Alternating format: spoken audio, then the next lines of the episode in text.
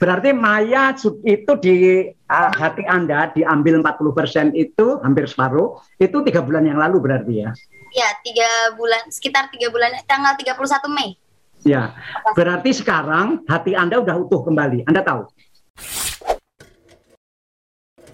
Hari ini kita ketemu dengan gadis cantik namanya Maya yang pakai kerudung hitam dan Maya ini hebat sekali. Pernah saya tulis di Diswe tetapi tidak terlalu jelas. Dan Maya ini baru saja mendonorkan hatinya hati hati Maya ini untuk ibundanya.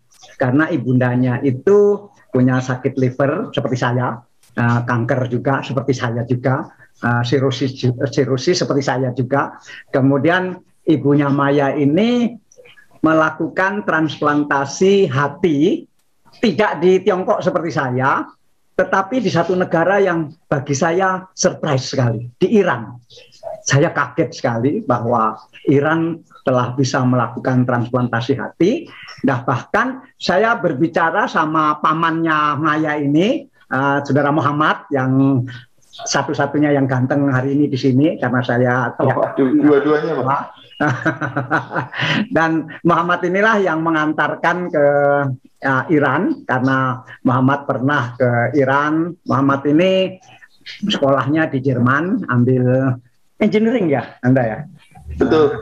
Nah, sekolahnya di Jerman dan di selama di Jerman dia mempelajari literatur yang menyebut bahwa Iran memang betul-betul sudah mampu melakukan transplantasi dan kemudian yang satu lagi kita berbincang dengan Ijah, nanti nama lengkapnya ada di teks.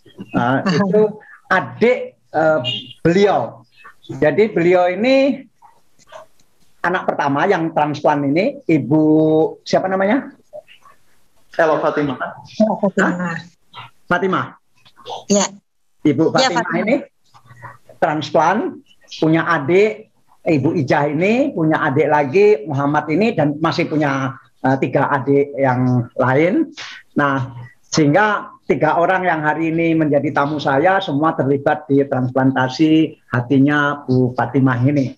Dan sekarang Bu Fatimah sudah pulang, sudah pulang ke Indonesia, berarti sudah alhamdulillah uh, sukses. Memang saya selalu uh, menyampaikan bahwa setelah pulang hati-hati, jangan sampai terkena infeksi dan harus disiplin minum obat dan obatnya ini mahal karena nah, banyak orang mampu transplant tapi tidak mampu membeli obat untuk memelihara berikutnya.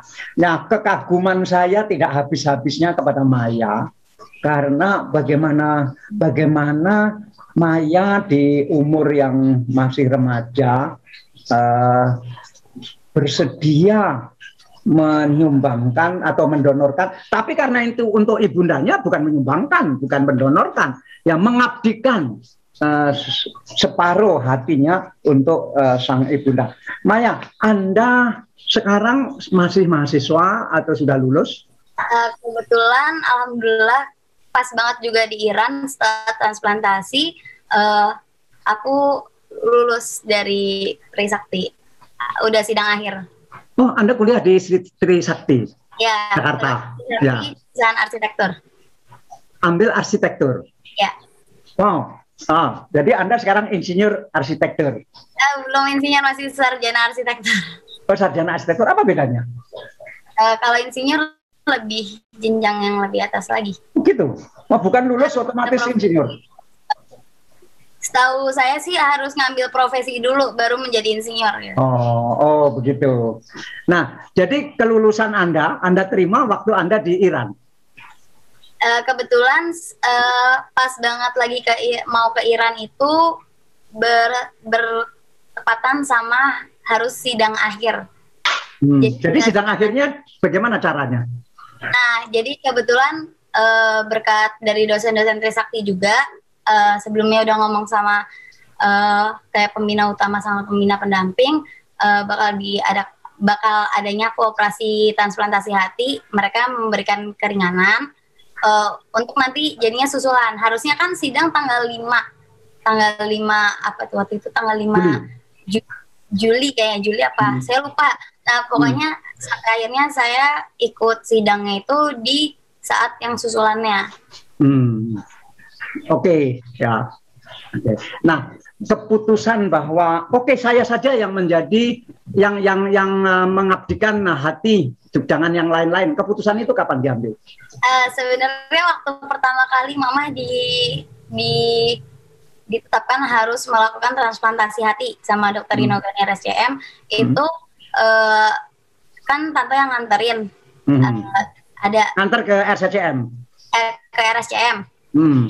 nah nah itu terus habis itu langsung kayak uh, mama harus ditransplantasi mungkin karena satu anak pertama kedua kayak kayak berpikir simpel kayak pasti kan harus golongan darah yang sama hmm. untuk golongan darah yang sama kan nggak mudah juga Nah kebetulan mama aku oh, Abi juga oh, jadi ya udah kayak ya udah sesimpel ya udahlah gitu.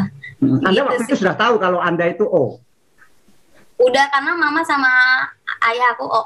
Dua-duanya. Pasti O gitu. Tes. Uh. Terus kita. juga kebetulan, ha. Nah. Tes Nah. Terus waktu ke RSCM itu beliau opname di RSCM atau datang untuk periksa? Enggak, mama ini ngejalanin uh, kayak ada pengikatan gitu loh, endoskop. Hmm. Jadi hmm. saluran esofagus itu. Uh, ya. Uh, uh. Uh, saluran esofagusnya sudah sudah penuh nah. gelembung darah ya. Mama nah, sudah muntah ya, darah waktu itu. Sudah sempat. Ya. Sudah sempat muntah darah. Sudah. Berapa kali? Uh, kurang, aduh kurang tahu ya. Yang hmm. saya tahu sekali, sekali, sekali. Wah hebat sekali. Berarti kalau berarti seperti saya, saya juga tahunya muntah darah waktu itu, sehingga atau ah uh, adik beliau yang lebih tahu. Iya, gimana Pak Dahlan? Apakah uh, uh, Ibu Fatimah sudah pernah muntah darah berapa kali?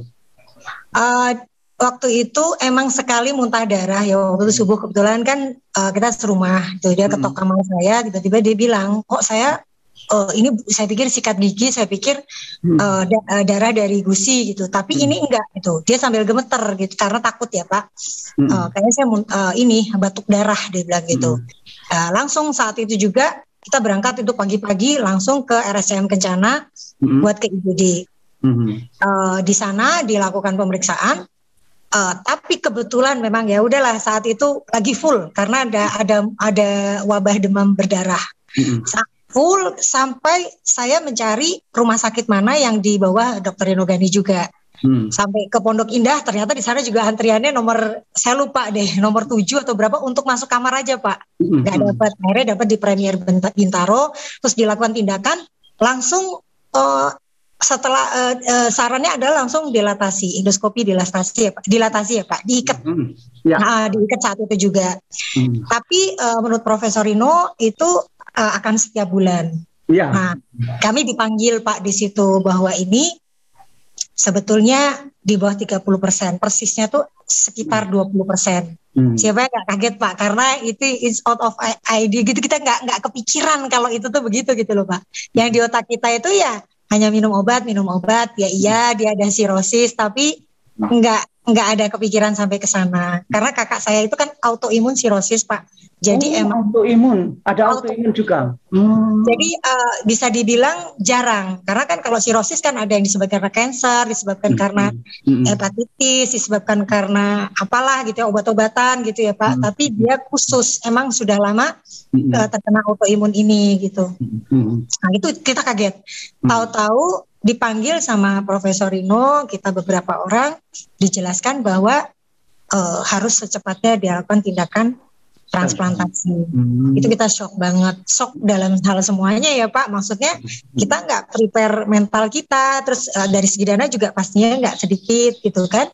Hmm. Sampai sempat bengong tuh di situ. Terus uh, ini segera aja dilakukan pemeriksaan mana yang paling cocok. Termasuk Muhammad di situ hmm. uh, dicek juga. Eh apa di kita masuk juga ke ruangan. Ya. Termasuk adiknya Maya Hanuna bersedia juga tuh Pak. Oh. Cuman oh. umurnya masih uh, 18 lagi. itu nggak bisa, nggak hmm. boleh. Hmm. Jadi aturannya di bawah 21 tahun kalau aturan yang sekarang. Kalau dulu mungkin bisa gitu ya.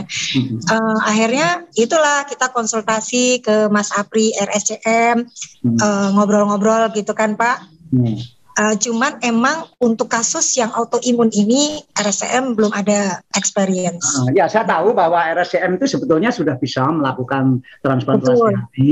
Mungkin Betul. sudah beberapa dilakukan, sudah Betul. berhasil. Uh, Betul. uh, Tapi tapi, karena ini ada autoimun, Autoimun itu hmm, bisa dibilang sangat sulit. Jangankan di RSCM Pak, waktu Muhammad bikin surat ke Ibnu Ali Sina pun jawabannya adalah untuk operasi yang sangat sulit. Berarti intinya kan hmm. memang sulit Pak gitu. Jadi kalau untuk di Oh ini jadi yang sudah dijajaki ini selain RSCM juga saya Palestina. udah pernah menghubungin eh, mungkin eh, dokter Dahalin Stasi tahu dokter Evelyn. saya ngobrol sama dokter Evelyn. Hmm. Nah, sama Evelyn saya cerita, kata dia China tutup juga. Hmm. Singapura, waduh, price-nya Ya. pak, harganya pak. Ah, ya, ya. ah, ah, ah. Gitu kan. Terus eh, Malaysia kita juga nggak pernah dengar. Hmm. Terus eh, Jepang otomatis juga mahal, bapak tahu Hmm. sendiri kan. Hmm, Eh, nggak ya. cuman biaya operasi, tapi mungkin biaya hidup juga Ya. di sana kan luar biasa. Karena kita kan mungkin seminggu dua minggu. Sempet juga yang Taiwan pak, gitu. Tapi Hmm. harganya emang nggak jauh dari Singapura pak, Ya, gitu. ya, betul. Ah, Nah, sampai kita sudah menjajakan sana sini waktu mepet dan uh, uh, kakak saya ini Elok Fatimah terus menerus dilatasi dong Pak Ya, proses-proses. betul. Uh, tapi uh, Muhammad menjajakan ke Iran. Ke Iran waktu itu ada banyak kita ada berde- uh, jujur Pak kalau untuk ini emang butuh kepala dingin ya Pak. Tapi namanya orang untuk transplantasi nyawa ya. Ada, eh, misalnya gini, ada sebagian yang berpikir bahwa nanti dulu Iran itu habis setelah waktu itu baru Norus Pak. Norus itu tahun barunya Iran. Ya, ah. Kalau itu lebarannya kita Pak Ya. lebih dari lebaran kalau di sana. Ah, Jadi ah, mereka saling mengunjungi. Corona lagi sangat tinggi. Hmm, Jadi saya kalau saya ibaratnya setengah-setengah sambil usaha. hmm. Adik saya satu ketakutan mendingan jangan. Ah, Eh, terus sebagian lagi coba dulu ditahan sambil dilatasi. Nah, Muhammad tuh di pihak yang harus berangkat gitu loh. Kalau saya masih setengah-setengah, coba dulu sih, siapa tahu ada miracle kita ketemu di satu negara yang bukan itu. Saya sempat ngajuin ke eh, Turki, hmm. Eh, terus malah agensinya kan ada agensi medikal ya Pak, malah nawarinnya India lah. India waktu itu udah kiamat Pak coronanya. Ya, ya, ya, ya. Misalnya ya, Pak, Top-topnya, gitu. top-topnya corona di India. Akan di jalan-jalan. Saya bilang langsung enggak, enggak, enggak. Kalau India saya enggak mau. Padahal India itu termasuk salah satu yang terbaik Ya, juga ya, Pak, betul. untuk transplantasi. Hmm, hmm. Akhirnya kita berkesimpulan ya sudahlah Bismillah kita ke Iran gitu. Kita ngeyakinin kakak saya tuh malah nggak mau Pak tadi bukan nggak mau ya mau saya takut gitu loh. Ini nanti gimana kalau saya kenapa kenapa gitu dan pertimbangannya waktu itu juga Profesor Rino mungkin takut koneksinya gimana karena Ah, kalau mau iya. jujur kan emang bahasa Persia. Karena lagi didapat dapat sanksi dari Amerika. Ya. Ah betul. Waktu itu Nah. juga lagi ribet ribet-ribetnya eh, versi eh, Iran itu membantu Palestina kalau nggak salah ya Pak gitu loh. Lagi ada kejadian gitu deh. Beritanya di TV juga santer gitu. Tapi kita ya udahlah Bismillah gitu kan. Eh, berangkatlah ke sana ke Siras nah. Kota Siraj ya. kota Siras gitu. Nah, Anda pernah ke Iran? Saya pernah Pak, karena Oh. saya kan pernah antar adik saya juga yang satu dia punya masalah dengan eh, apa namanya punggung. Ah, Hmm. Punggung itu udah operasi dua kali di Singapura sekali, Hmm. eh, di Indonesia sekali. Hmm. Tapi eh, ya memang bukan rezekinya gitu kan. Hmm. Itu di Iran juga ada profesor terbaik untuk itu Pak. Siraj juga. Ah bukan bukan di Siras.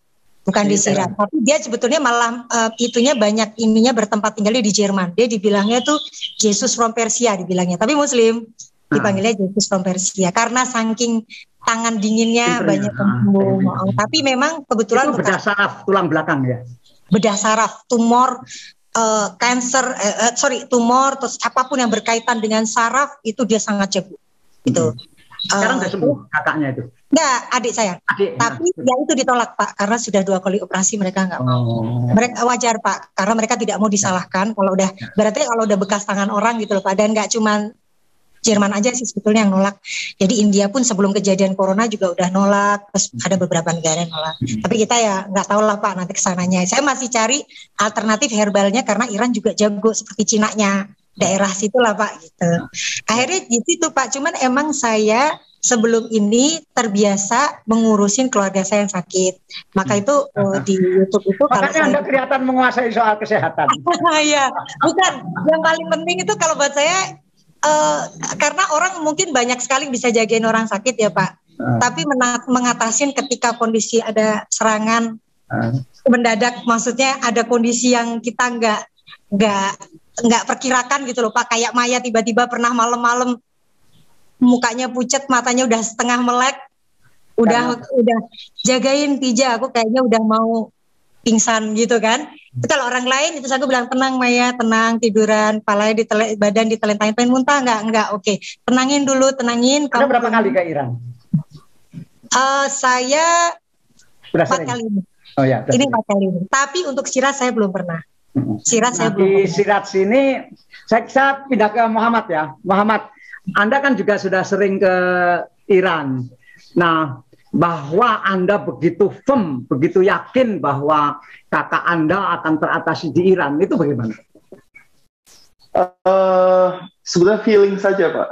Hmm. itu itu background yang simple. Tapi sebetulnya kalau kita baca literatur, eh, Iran itu pusat eh, kedokteran, kedokteran modern seperti Ibnu Ali Sina itu tokoh kedokteran modern saya kira. Pendiri. Dan itu dikenal di dunia Islam, Ya. betul. Dan itu menjadi ikon mereka gitu. Dan pertama ketika saya dengar kakak saya harus ditransplantasi itu saya browsing pertama adalah Iran. Hmm. Best uh, transplantation in Iran saya cari itu muncul banyak sekali ada di Siros, ada di Mashhad, Hmm. ada di Teheran gitu. Hmm. Uh, dan saya temukan Dr. Malik Husaini sebagai father of uh, transplantation in Iran. tuh. Hmm. Saya baca biografinya, saya kira uh, karena ibunya kan meninggal karena liver, Iya, iya. Ah, Dr. Malik Husaini. Jadi saya uh, saya sebetulnya kalau melihat hmm, bi- bidang seperti kedokteran atau engineering sekalipun, itu saya selalu melihat backgroundnya apa. Kalau backgroundnya uh, purely bisnis, biasanya saya rada meragukan. Ini, uh, tetapi karena beliau uh, mengalami kepedihan ditinggal oleh pribadi. ibunya, Ya, pribadi ya dari pengalaman pribadi itu. Jadi eh, saya kira ke kemauan keras beliau untuk membantu orang menyembuhkan orang melalui transplantasi itu besar dan itu memang ditunjukkan selama kita di sana beliau juga sangat eh, apa ya eh, kalau itu rasanya itu kita bisa merasakan lah itu eh, apa semangat beliau itu dan beliau juga Jadi jelaskan kakak ini setelah sebelum ditransplant berapa berapa lama di Sirat di Iran ini? Tadi Eh, datang saya sampai datang- dengan transplant berapa waktu? kira-kira satu minggu kurang dari 10 hari Eh, prediksi mereka itu dua minggu tapi kita datang hari pertama kita taruh tas hmm, tidur sebentar kita mau silaturahmi itu langsung dicek langsung sama mereka oh, darah dan seterusnya sampai kaget Eh, malam kita baru selesai besoknya seperti itu lagi dari jam 7 sampai jam 9 malam Hmm. hampir setiap hari selama lima hari setelah itu kita menunggu Operasinya menunggu dan operasinya kit- eh, beliau masuk jam 9 pagi Itu bersamaan Eh, ya. Artinya Maya bersama. di di satu kamar, di satu oka betul atau di dua oka yang bersebelahan. Eh, kalau eh, karena kami mengantar sampai di pintu eh, ruang Iya iya iya. Nggak tunggu boleh itu ya. Nah. betul betul kami tidak bisa melihat tetapi mungkin masuknya bersamaan Ya, gimana? Mana? Kalau yang saya tahu sih Maya dulu. Karena kan dia yang di- Aduh, agak silo belakangnya. Oh ya ya. Ya. Jadi Ya. Maya dulu, Pak. Karena karena kan yang mau diambil itu Mayanya Ya. gitu. Jadi, Jadi Maya Maya masuk ruang operasi, Mhm, kakak saya Ah, masih di luar. Hatinya Masih Maya dipotong. Heeh. Ya. Mm-mm. ah, baru Separuh atau sepertiga? 40 persen. 40 persen, ya. Iya. Oke. 40 persen. Nah, Nah Terus, itu baru itu. terus, terus Mama Maya masuk. Masuk, ya. Hmm, terus Tapi dipasang. yang yang lebih lama kita baru boleh bisa ketemu yang Maya, nggak tahu kenapa. Oh, Ah, jadi Maya, saya bisa Maya. ketemu. Maya. Ya. Anda masuk duluan ya. Jadi jadi pertama disuruh kayak nunggu dulu pas masuk. Suruh nunggu dulu terus eh, ngisi dokumen kurang ngerti ya karena kan bahasanya beda. Bahasa Parsi. Nah, Jadi ya udah percaya saja. Gitu. tanda tangan aja langsung. Nah. Terus habis itu eh ditunggu sebentar sampai akhirnya eh, aku masuk ke ruang operasi pertama kali. Hmm. Di ruang operasinya ya ada susternya ada apa langsung eh, di bisus udah lupa bangun-bangun tuh ingat jam 9 malam apa jam berapa ya lupa. Pokoknya udah malam di Shiraznya itu uh, udah kayak megang oh berarti dari operasi udah selesai. Nah, alhamdulillah. Nah, megang udah kayak udah ada perban di perut kan jadi kayak oh berarti udah. berarti Maya itu di uh, hati Anda diambil 40% itu hampir separuh itu tiga bulan yang lalu berarti ya? Ya tiga bulan sekitar tiga bulan tanggal 31 Mei. Ya, berarti sekarang hati Anda udah utuh kembali. Anda tahu? Uh, kemarin sempat uh, sebelum pulang tuh sonografi dulu. Terus di sana? Di Siras. Hmm. Itu uh, dokternya bilang uh, udah ada pertumbuhan. Cuman ada satu dokter dokter yang megang saya kan kebetulan dokter namanya dokter Samsei. Itu dia yang selalu bilang kayak enggak udah normal ini mah tenang aja kamu udah menjadi manusia yang normal dari manusia lain. Memang ajaib uh, pemirsa bahwa uh, hati manusia itu begitu dipotong seperti Maya ini dalam tiga bulan dia akan utuh kembali. Yeah. Nah kemudian hati Maya yang 40% itu dipasangkan di tempat hatinya ibunya dan nanti dalam tiga bulan yang 40% itu sudah menjadi 100% lagi juga. Ya. Nah, jadi Anda pulang dari Iran bersama-sama dengan Mama, bersama-sama dengan Muhammad, bersama-sama dengan Ija. Ya. ya. Hmm. Ada drama sih maksudnya kayak aku kan pas udah selesai keluar dari rumah sakit tuh dua mingguan ya, dua hmm. mingguan terus udah sempat kepikiran aduh ini kalau misalnya nggak pulang takutnya soalnya kan di sana sinyal juga susah terus hmm. perbedaan waktu sama Jakarta kan agak banyak hmm. pas ngelihat grup kayak teman-teman kayak ini ayo sidang udah mulai gini agak kepicu buat anu, sidang sidang ujian akhir arsitektur ya, agak kepicu kayak aduh nggak mau nih udah tinggal sedikit lagi masa kayak ngulang lagi nggak mau? Ya, jadi ya. kayak kayak mau pulang cuman uh, Ami Mamat mm-hmm. uh, bilang katanya uh, jangan dulu takutnya ada apa-apa mendingan pulang bareng. Jadi kayak ya udah. Jadi Maya, yang izin Maya Anda selama di sana kan juga jalan-jalan kan tidak hanya di rumah sakit kan? Iya. ada mall nggak di sana? Ada ada. Ada satu mall itu uh, besar nom, uh, katanya sih mall 12 terbesar di dunia di dunia. Oh, ya, yang itu ya, yang Persian Gulf Mall ya, itu ya. Hmm. Maya, ketika Anda ke mall, Kan Anda biasa di Indonesia pakai uh, hijab, uh, pakai uh, jilbab seperti ini, tapi kan kemudian pakai celana kan, celana panjang kan? Oh, ya. Iya. Di sana bagaimana Anda? Tetap pakai celana? Sebenarnya di sana tuh sama aja kayak di Indonesia, cuman bedanya. Oh gitu. Cuman bedanya mungkin kulturnya uh, mereka suka pakai baju yang kayak panjang, mm -hmm. baju baju panjang, ha, ha. kayak kayak misalnya apa gitu loh. Hmm. Sebenarnya kurang lebih dari cara berkerudungnya, dari cara apa tuh sama aja. Mungkin kalau beberapa orang yang kayak ibaratnya kalau di sini yang kayak orang yang pakai cadar atau apa, hmm. di sana juga ada yang pakai cador kalau hmm. hmm. gitu. Ya, saya lihat, ya, saya pernah ke Iran, Maya, dan ya. saya lihat banyak wanitanya, apakah di hotel, di kantor, itu pakai kerudungnya seperti anda ini. Jadi ah, iya. persis anda ini, termasuk rambutnya depan juga. Anda rambut anda kan juga kelihatan kalau saya lihat dari sini. Ya, di sana juga begitu, bahkan lebih dikelihatkan lagi begitu. Ya, jadi nah, kayak kayak jadi uh, tren model mungkin ya, tren model uh, sana yang kayak misalnya ada uh, poninya terus di sini. Ya, begitu. Nah, jadi banyak orang Indonesia yang uh, salah sangka bahwa dikira wanita di Iran itu uh, ber apa? Uh, uh, berbusana yang tutup uh, total itu. Jadi, jadi bagi pemirsa wanita di Iran kebanyakan yang saya lihat ya seperti Cak Maya ini caranya berkerudung, ya kan Maya? Nah, Anda berkerudung begini, ini setelah dari Iran atau sebelum ke Iran Anda juga kerudungnya modelnya begini? Enggak, emang dari dulu kan kayak gini. Anda begini. Nah, ini seperti ini. Saya menyaksikan sendiri. Nah, ketika jalan-jalan atau ke mall itu, Anda pakai celana panjang kan? Iya di sana nggak ada masalah kan? Nggak masalah. Artinya menggabungkan hijab dengan celana panjang nggak ada masalah kan? Karena kan di sana kan uh, ada setahu saya ya, setahu hmm. saya ada hukumnya pokoknya mereka harus yang penting harus menggunakan kain di atas kepala. Mm -mm.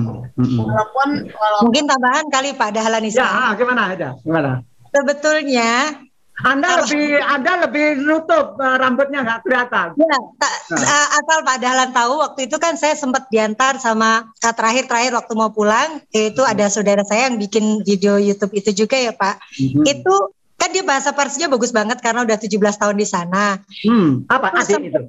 Adik. Uh, uh, su, uh, sepupu jatuhnya. Yes, ya. sepupu. Itu ketika uh, Maya di uh, kita diambil darah untuk PCR, Hmm. itu dia karena bahasa Parsi dia ngomong dikiranya orang laboratnya ini mungkin Idrus ini uh, apa namanya orang Persia lah gitu. Nah, orang Iran. Dia langsung ngomong eh, dia ini Muslim bukan karena tidak jaminan orang memakai kerudung itu Muslim di sana. Hmm. Nah, jadi dia tanya Muslim bukan kata Idrus ya benar dia Muslim makan uang saudaranya gitu pak.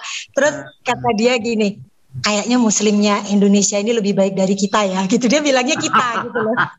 Karena gini karena ngelihat saya pakai kerudung begini eh, kakak saya juga kerudungnya begini Ah. mereka semua rata-rata kan mulainya di sini pak. Iya, iya rambutnya kelihatan di depan. Ya, Sebetulnya lebih eh, lebih dari Maya. Maya kan kelihatan sedikit. iya, betul. Melihat Maya tuh ala Dubai kalau dia tuh di sini pak. Ada jambulnya harus keluar. Ada jambulnya, iya, ada jambulnya. Terus eh, bajunya juga sebetulnya boleh dibilang kalau Pak Dalan tadi tanya celana, mohon maaf Pak, yang di mall itu celana jeansnya semua yang super ketat gitu Pak.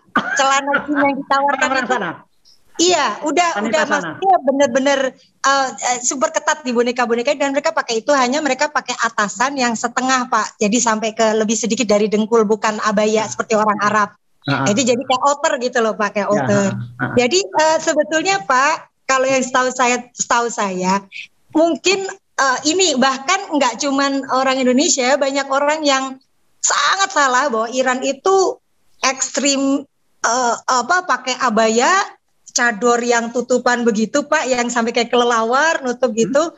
Malah mereka ngetawain pas saya ngomong gitu. Saya cer- kita cerita bahwa di Indonesia begini kata mereka itu less than 20% gitu loh pak. Oh. less than 20% ya. Itu yang mau saya tanyakan tadi. Menurut Iya, Ija, rata-rata berapa dari- persen orang Iran yang memakai seperti orang Arab itu ternyata Itu kurang dari 20 persen. less than 20% itu biasanya orang-orang yang benar-benar sangat konservatif, orang-orang yang punya background religius eh, dalam, atau orang-orang yang kayak di kita tuh hijrah gitu loh Pak, baru Ah, ah, ah. belajar lagi, atau mereka yang masuk sekolah-sekolah agama, tetapi pada umumnya Iran yang asli adalah yang 80% itu. Di sana itu Pak, kita ngeliat orang pakai tato segede-gede biasa aja Pak, gitu. Tato Buddha di lengan. Oh. Ya, terus pakai kaos dengan salib yang sangat besar di jalan raya. Mungkin kalau Oh, salib? di Indonesia ka- kaos gambarnya Ah, salib di punggung. Ya, di depan sama di punggung itu satu Hmm. kaos itu isinya salib sebesar itu sebesar badan orang itu biasa aja. Yang perempuan yang pakai scarf tapi dia Kristen ya pakai ini eh, earringnya salib gitu biasa aja Udah nggak gitu kan. Ada muslim ada. Mereka itu muslim atau bukan? Bukan, bukan muslim Oh, bukan, yang pakai biasa. Heeh. biasa aja. Bahkan ketika kakak saya masuk yang pertama ditanyain are you muslim gitu. Jadi nggak jaminan orang pakai kerudung itu bukan berarti untuk kepo tapi memang untuk data, tetapi tidak untuk membedakan sama aja. Karena Jadi sudah ah, ya ya ya paham paham. Ya, jadi mungkin malah kalau di Indonesia mungkin malah nggak terlalu berani orang pakai sebesar gitu takutnya gimana gitu ya ngerti nggak Pak? Takutnya Hmm. dikira show off gimana. Tapi kalau di, toleransi gitu. Heeh. Ah, gitu. Tapi kalau di Iran nggak apa-apa. Bahkan mereka terbuka bicara agamanya Zoroastrian, agnostik pun mereka cerita. Saya nggak punya agama gitu. Oh. Cerita. Jadi, jadi eh, sebetulnya sebebas itu. Hanya mungkin rule masalah pakai kerudung itu menghindarin orang makin lama makin parah, Pak. Gitu loh, Pak. Maksudnya Oh. nggak nggak terlalu ke Western yang gimana. Jadi buat mencegah aja di di mungkin dikasih border ya, dikasih batasan nih, jangan keluar dari ini. Jadi iman itu dihargain mungkin ya kalau menurut saya. Kalau kamu mampunya segitu, kadang Pak, mohon maaf, tahu ulasnya orang Batak, eh, bukan ulas ya Pak, yang kain yang cuma segini doang ditempelin, depan belakang kelihatan itu nggak masalah. Apa? Yang penting Oh. ada sesuatu di kepalanya, udah. Gitu. Jadi ah, kerudung Anda ini di sana sudah dianggap eh, sa- sangat menutup ya. Iya, jadi saya tuh cuman eh, di luar yang pakai cador itu tadi ya, yang kerudung warna-warni gini. Yang kurang 20% itu. Ini cuman mungkin sekali saya ketemu sekali ya berdua, tapi rata-rata memang kerudung di rumah sakit itu sendiri yang pemerintah punya atau apa ya segini Pak mereka. Hmm. Mereka punya kayak bergok tapi bergoknya setengah ya, gitu. Ya. Begituin aja. Uh, gitu. Saya terus terang ingat ibu saya. Ibu saya dulu dianggap paling muslimah di kampung saya uh, karena yang lain pada gak pakai kerudung. Ibu saya kerudungnya begitu. Jadi waktu saya ke Iran pertama, loh cara berkerudungnya kok seperti ibu saya zaman dulu ya gitu. Artinya uh, jangan-jangan orang Indonesia zaman dulu ngambilnya dari situ Pak. Kemudian kemarin saya melihat videonya Muhammad itu ketika wawancara di pinggir jalan itu saya lihat di belakang Muhammad itu ada wanita jalan. Saya lihat loh wanita ini kok pakai celana ya? Padahal itu di, di Iran. Semua saya, Pak. saya tanya gitu. Jadi waktu Muhammad bikin video di pinggir jalan yang saya perhatikan juga orang yang lewat-lewat di belakang itu gayanya seperti apa gitu. Muhammad uh, ya. itu menyesal nggak di transplant di Iran Uh, mohon maaf, kakak. Uh, sama sekali tidak. Uh, saya kira malah justru puas. Puas. Uh, itu dan saya juga puas. Terus terang saya puas karena saya quote in quote saya yang paling bertanggung jawab ini kan saya yang paling maksa ya. Karena anda yang mengusulkan saya paling, Iya, bukan hanya mengusulkan, saya memaksa. Memaksa. Karena betul, karena uh, beberapa pertimbangan pak. Hmm. Pertama, yang nomor satu sebenarnya masalah biaya. Hmm. Terus terang masalah biaya. Jadi biaya transplantasi itu kan tidak murah. Uh, dan kita harus tinggal menunggu yang ditransplantasi itu bukan satu dua minggu, tapi bisa sampai tiga bulan seperti itu. Uh, yang disebut murah tadi berapa? Kalau boleh ngomong. Uh, waktu saya minta uh, apa namanya surat dari mereka, karena kita harus ada sesuatu yang kita jadikan pegangan, itu 30 hmm. sampai 40 ribu dolar. Oh, yang murah sekali. Murah. Iya. Murah. Sekali. Murah sekali. Saya kira um, mungkin itu karena e, mata uang Iran jatuh. Satu. Yang kedua karena subsidi dari pemerintah. Mm-hmm. Obat-obatan itu disubsidi. E, seperti misalkan program atau MyFortic. Itu kalau padahal kan juga mengkonsumsi itu juga. Yeah, yeah, yeah. Itu e, diimpor juga dari Netherlands atau Belgia, seingat saya.